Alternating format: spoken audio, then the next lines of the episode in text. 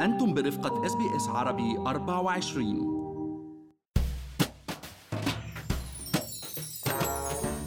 لم يكد اقتصاد فيكتوريا يعود للتعافي حتى عادت الولاية للإغلاق مجددا ومعها اضطرت 90 ألف مصلحة تجارية لإغلاق أبوابها. أكيد رح يكون في تبعات اقتصادية محبطة لأصحاب هدول المصالح وعائلاتهم. وحكومة الولاية عم بتحاول جاهدة لتوفير المساعدات للمتضررين من الإغلاق. معكم مرام إسماعيل من بودكاست لنحكي عن المال. واليوم رح نحكي أنا والمحلل الاقتصادي عبد الله عبد الله عن أبرز الحزم الحكومية المتوفرة في ولاية فيكتوريا بظل الإقفال العام اللي عم تشهده الولاية. بس خليني أذكركم إنه كل اللي بنقال بهاي الحلقة هو على سبيل المعلومات العامة فقط وليس نصيحة خاصة.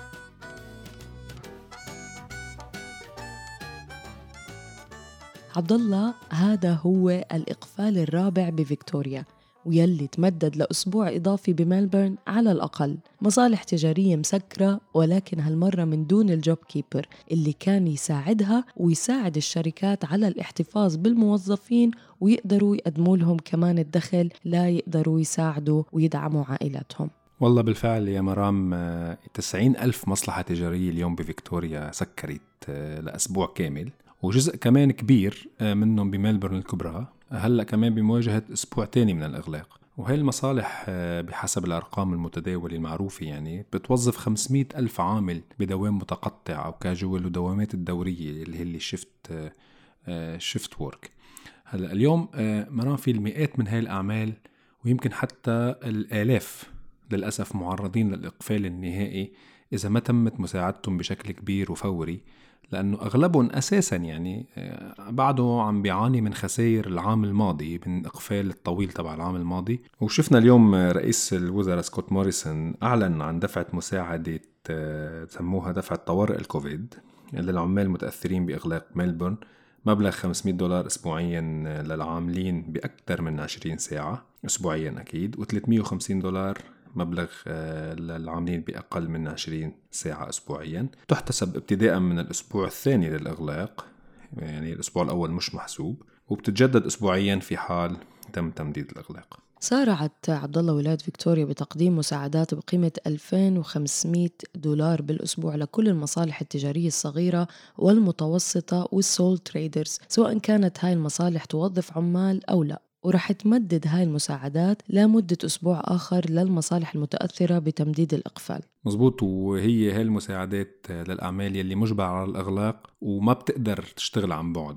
مثل المطاعم ومزيني الشعر والمقاهي وغيرها من أماكن الترفيه. يعني إذا اليوم العمل قادر يشتغل عن بعد ريموتلي ما ما بيكون اليجيبل ياخذ هاي المساعدات. هلا آه بيبدأ قبول الطلبات أو بدأ قبول الطلبات اليوم اليوم الخميس ب 3 يونيو حزيران وراح يستمر لثلاث أسابيع وبتم آه تقديم الطلبات على موقع business.vic.gov.au وبإمكان المصالح المجبورة على الإقفال لمدة أسبوعين التقدم بطلب واحد للأسبوعين أي مساعدة بقيمة 5000 دولار. مزبوط وهلا الفئة الثانية من المساعدات هي مخصصة للمطاعم وأماكن تقديم المشروبات الروحية المرخصة يلي عندها licence تقدم الكحول يعني. وهذا المبلغ رح يكون 3500 دولار للأسبوع إذا كانوا متأثرين بإغلاق آه، أسبوع يعني بكل ريجن فيكتوريا. آه، أما المحلات اللي حيتأثروا بالأسبوعين آه، فبطبيعة الحال دفعتهم حتكون 7000 دولار. وكمان مثل ما قلنا قبل بإمكانهم تقدم آه، على نفس الموقع الإلكتروني business.vic.gov.au وكمان بيقدموا طلب واحد ليحصلوا على الدفعتين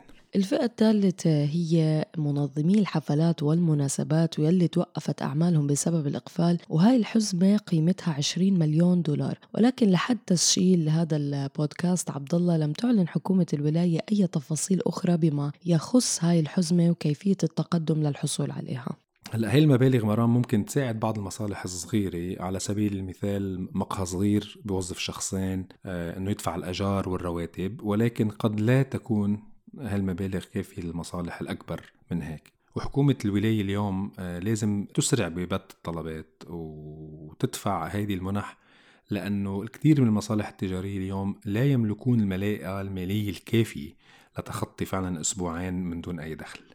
وكان كمان يعني مجلس الخدمات الاجتماعية الأسترالي طالب الحكومة الفيدرالية بدفع مبلغ 3000 دولار للعمال المتأثرين بالإغلاق تحت بند disaster recovery أو التعافي من الكوارث. هلا خلينا نذكر اليوم مرام آه، إنه حاليا في دفعات متوفرة من الحكومة الفيدرالية يلي كانت أطلقتها مسبقا يعني وهي مخصصة للأشخاص المجبورين على عزل أنفسهم أو يفوتوا بالحجر الصحي لمدة 14 يوم أو للأشخاص يلي عم بيهتموا بمريض كورونا. فهن اليوم مخولين آه، للحصول على مبلغ 1500 دولار خلال مدة ال 14 يوم.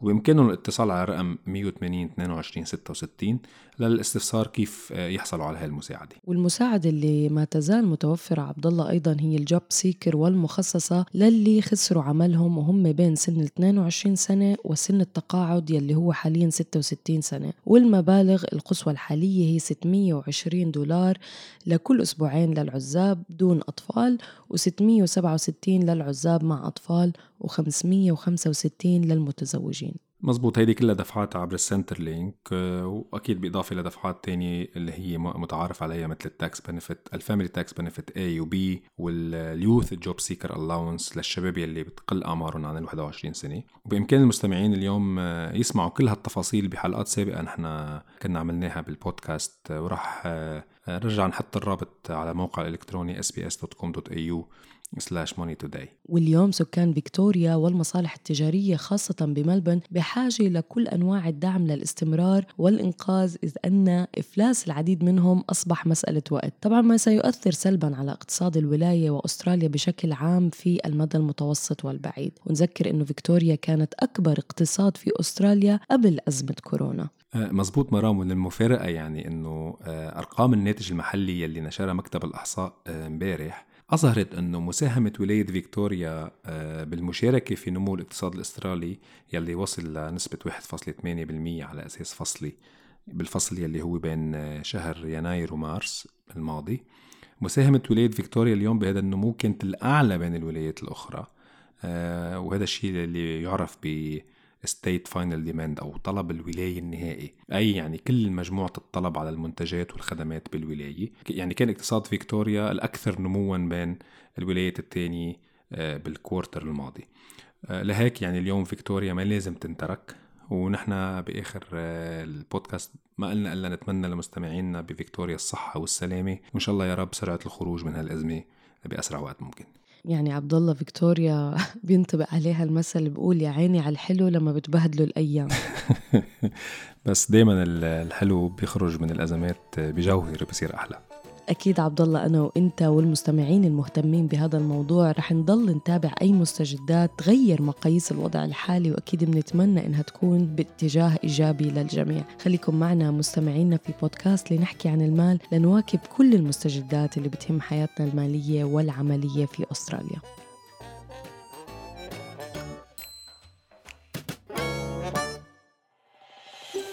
هل تريدون الاستماع إلى المزيد من هذه القصص؟ استمعوا من خلال Apple Podcast، Google Podcast، Spotify أو من أينما تحصلون على البودكاست.